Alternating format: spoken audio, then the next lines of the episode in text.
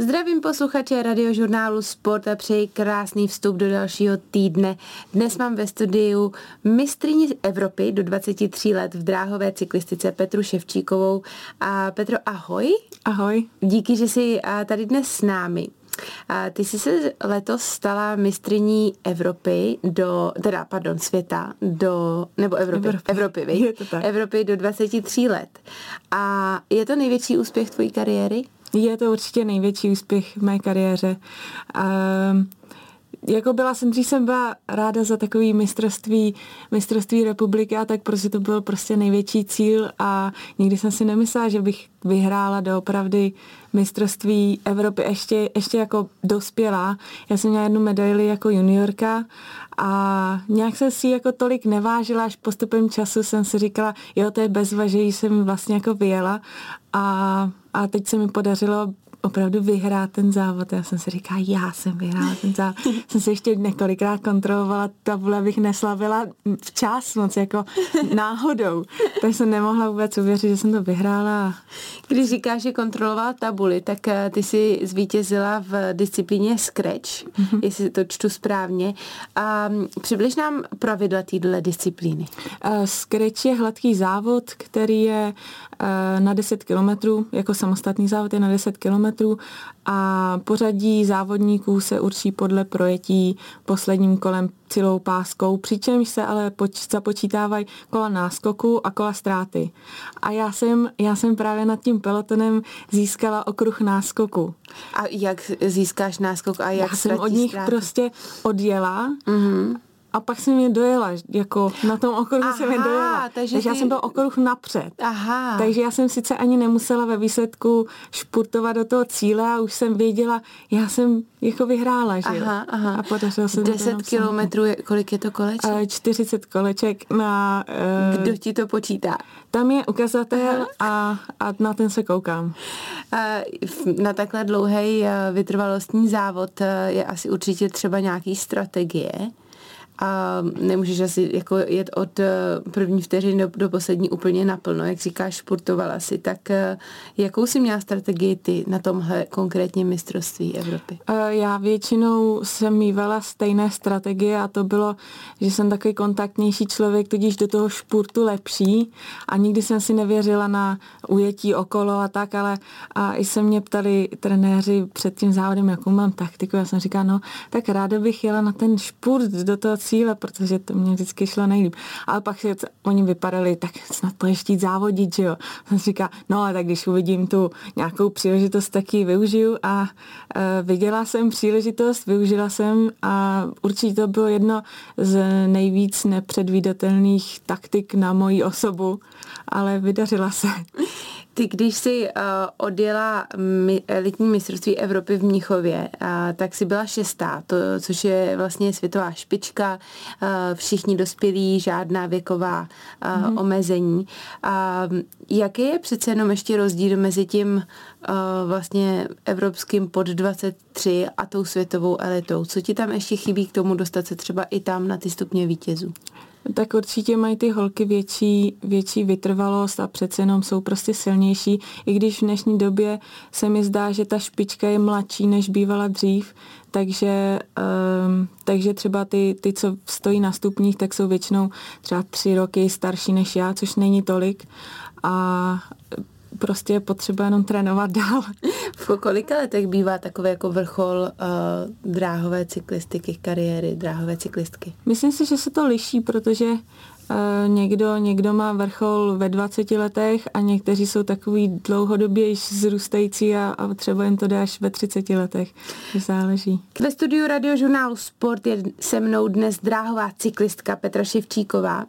A Peťo, když se ještě vrátím k mistrovství Evropy v Míchově, tak eh, to byl velmi specifický závod, protože se udával vedle ostatních sportů, jako atletiky, lezení a tak podobně. Popiš nám, jak eh, tahle akce vlastně vůbec probíhala.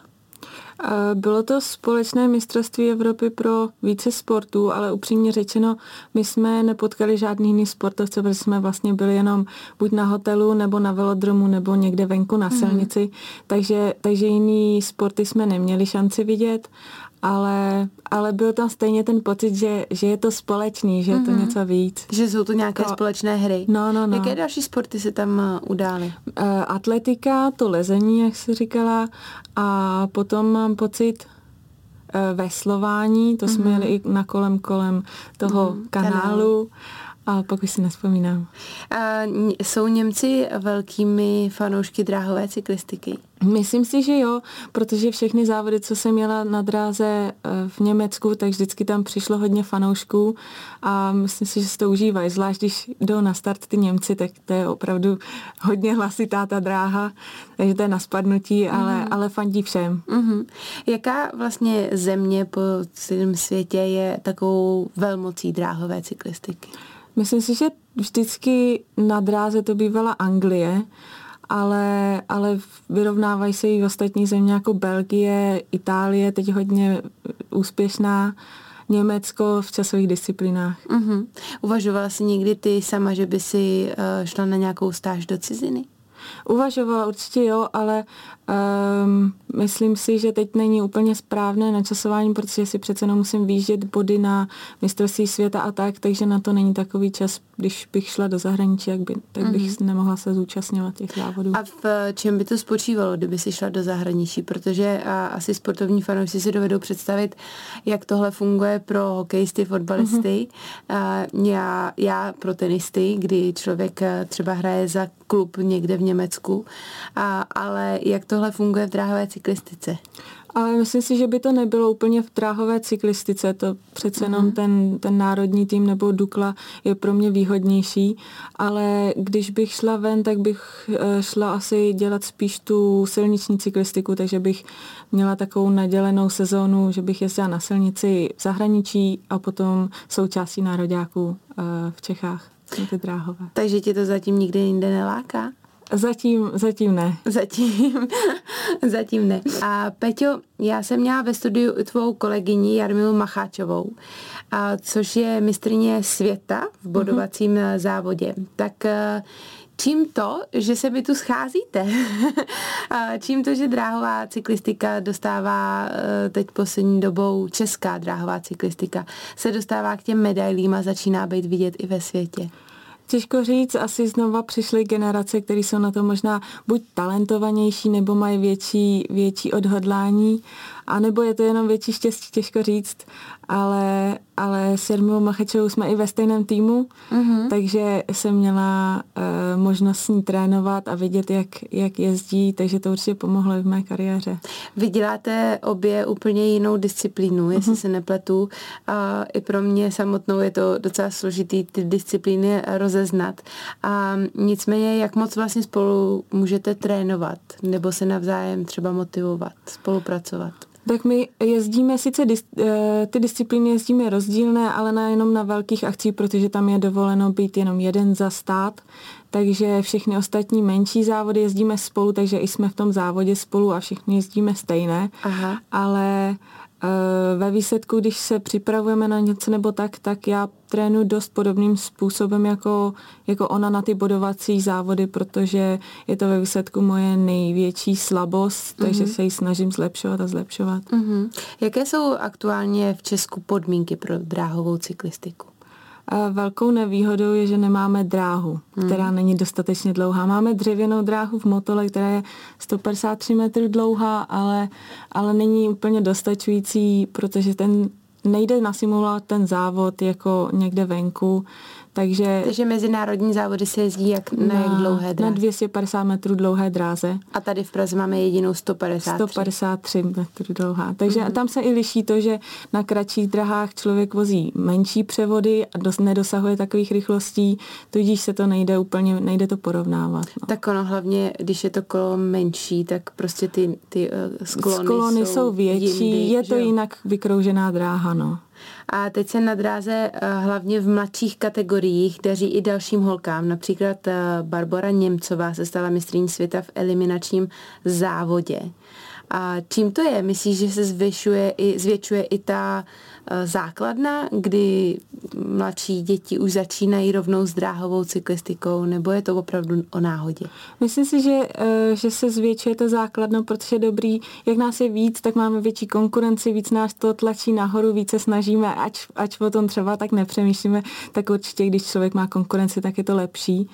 A i si vzpomínám na to, jak když já jsem ten den stejný vyhrála, tak jsme se na tom jednou stupínku prostřídali tři, což mm-hmm. bylo mhm. vlastně super, že, že jsme koukali na ty jiný závody a viděli jsme, jak ostatní kolegové vyhrávají a jedno z nich byla právě Bára. No, tady jsi mi nahrála, protože to je přesně podle mě případ eh, českého tenisu, hm. eh, kdy jedna druhou motivuje, aniž by to třeba si uvědomovala. A přece jenom máme v Česku kvalitní přístup, trenéry, trenérské podmínky, a nebo často saháte i třeba po nějakém know-how ze zahraničí?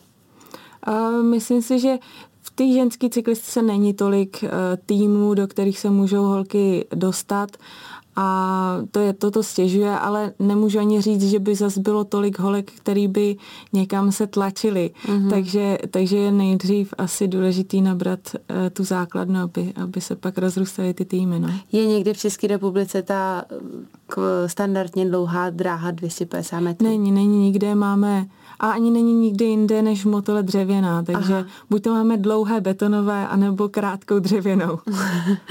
Myslíš si, že je nějaký plán do budoucna do dráhové cyklistiky zainvestovat z, nějakého, z nějaké sféry, možná z Dukly, a, a vystavět dráhu, která by vám pomohla? Už se, už se o to snaží, eh, nevím upřímně kdo, uh-huh. ale snaží se mít dráhu v Česku uh-huh. dlouhou dobu ale, ale zatím to nějak nedopadlo. No.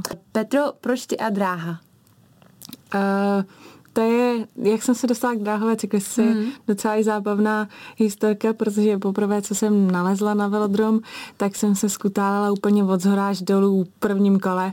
Takže, takže to byly krušné začátky, ale myslím, že to musel být nějaký, uh, nějaký první, první láska na dotek ve výsledku, protože i po těch, po těch krušných začátkách jsem vždycky nalezla zpátky na kolo a jezdila jsem.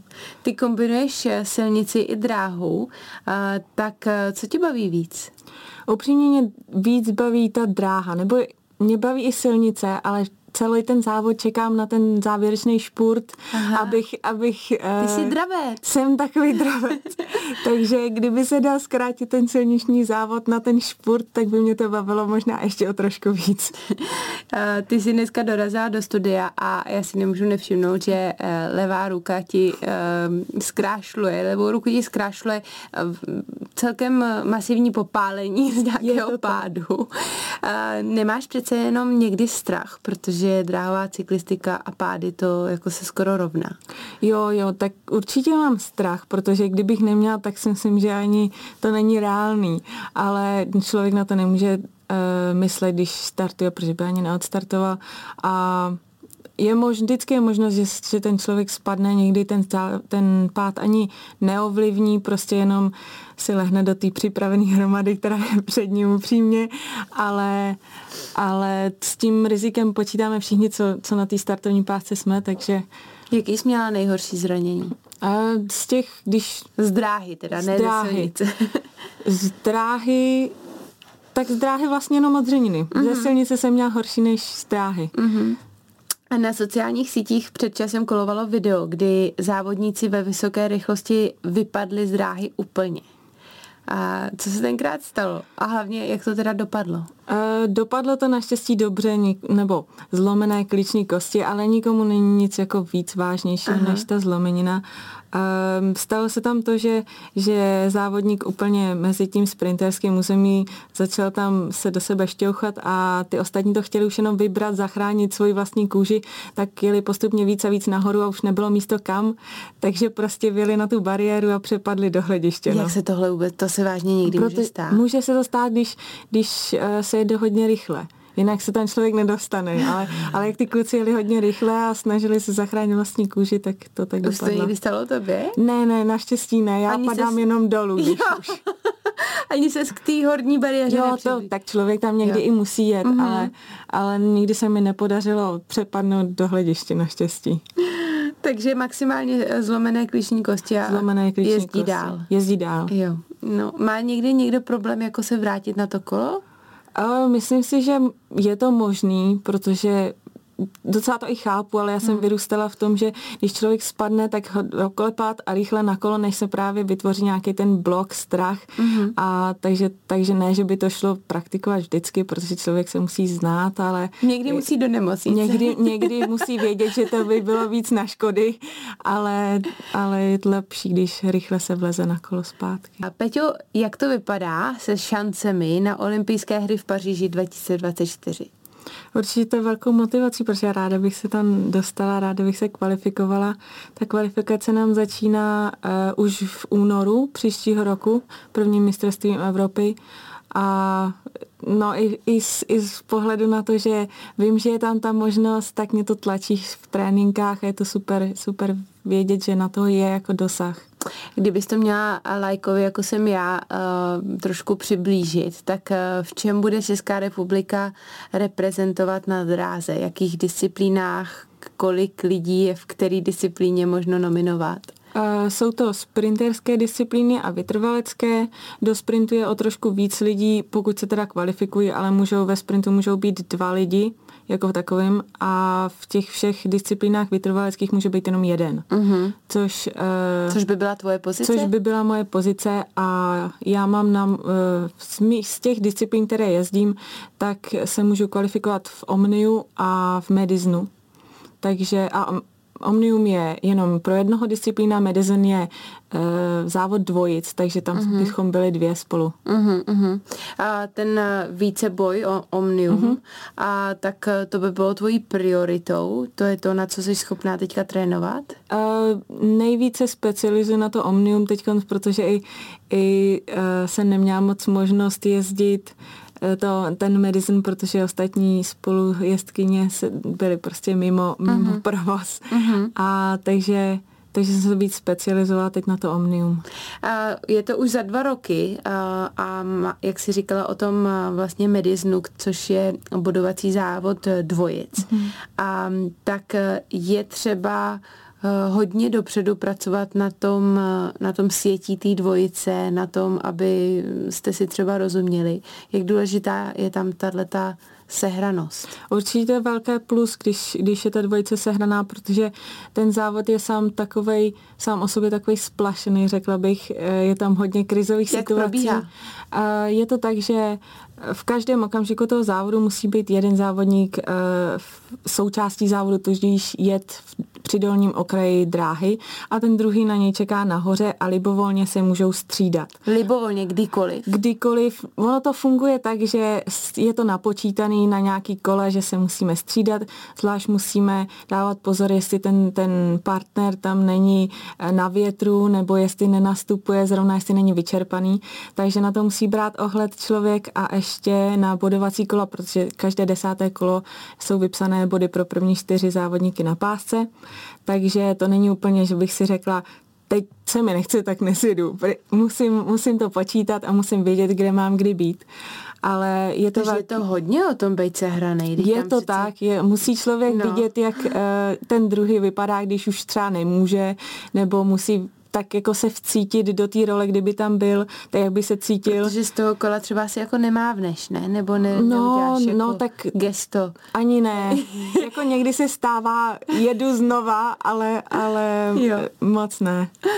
No a jak moc důležitá je tam v tom týmu těch dvou nějaká chemie i mimo dráhu, nějaký kamarádství, nebo je to čistě jako o tom vlastně, kdo k tobě půjde nejlíp eh, cyklisticky? Někdy, někdy je nutnost prostě jet s kýmkoliv, mm-hmm. ale mě to upřímně sedí tak, že, že když jsme jako kamarádky, tak samozřejmě i člověk víc, víc má pocit, uh, já mu radši víc pomůžu Aha. a pomůžeme si navzájem, takže, se, takže vlastně závodím, já když jedu ten medicine, tak závodím i pro toho druhého, uh-huh. takže mám i větší motivaci, teď mu to hezky rozjedu, aby on pak mohl špurtovat a měl z toho radost a tak, takže to je super, že je to vlastně týmová, týmová hra.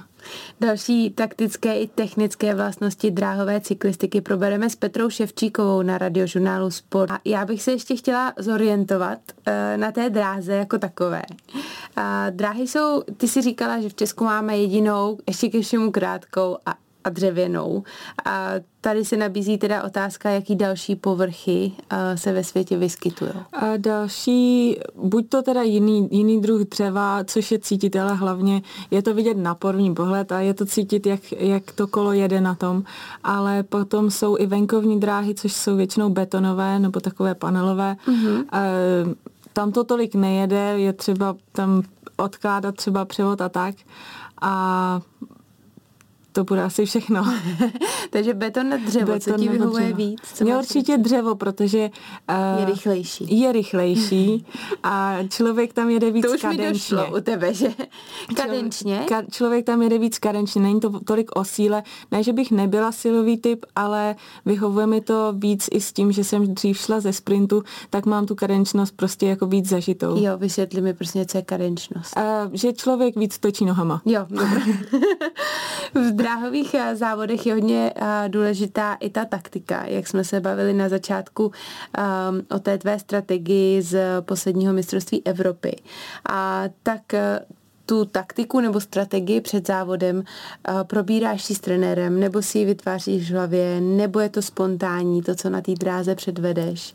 Musím říct, že mě ta dráhová cyklistika hlavně se líbí kvůli tomu, že člověk musí jít trochu citem. Že i když i když dostává rady samozřejmě, tak i ty rady musí využít podle svého vlastního eh, uvážení v tom závodě, protože eh, nemůže se naplánovat v šestém kole nastoupíš. To prostě tak nefunguje, prostě nebude proto ta správná, správný moment a nevíde to. Hmm. Takže člověk musí, není, ani tam není tolik času na rozhodování, ani přemýšlení, takže člověk to musí opravdu uh, uvažovat podle nějakého vnitřního, vnitřního citu. A ten cit, myslí si, že je možné se ho naučit vyjezdit, uh, získat získat ho ze zkušeností, anebo je to něco, s čím jsi se prostě narodil?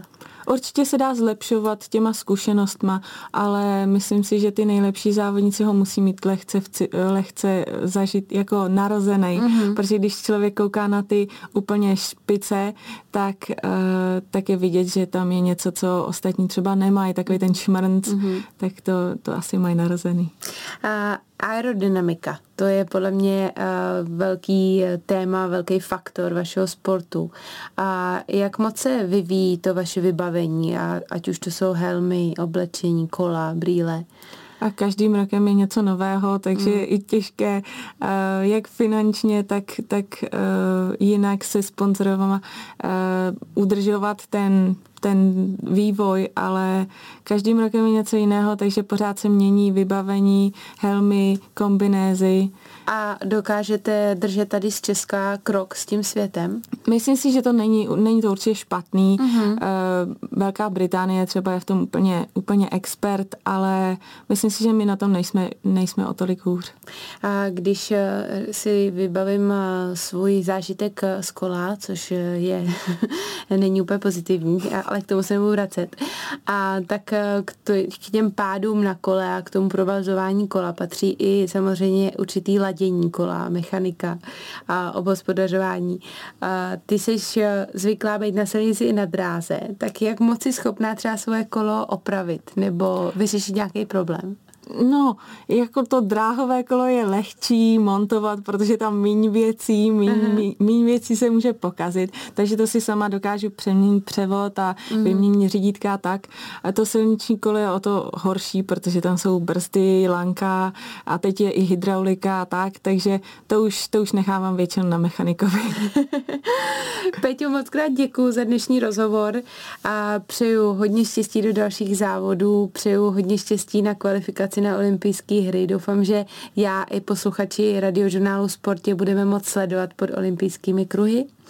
A děkuji moc za dnešek. Já taky, děkuji. Od mikrofonu radiožurnálu Sport se s vámi loučí i Andrea Sestýny Hlaváčková.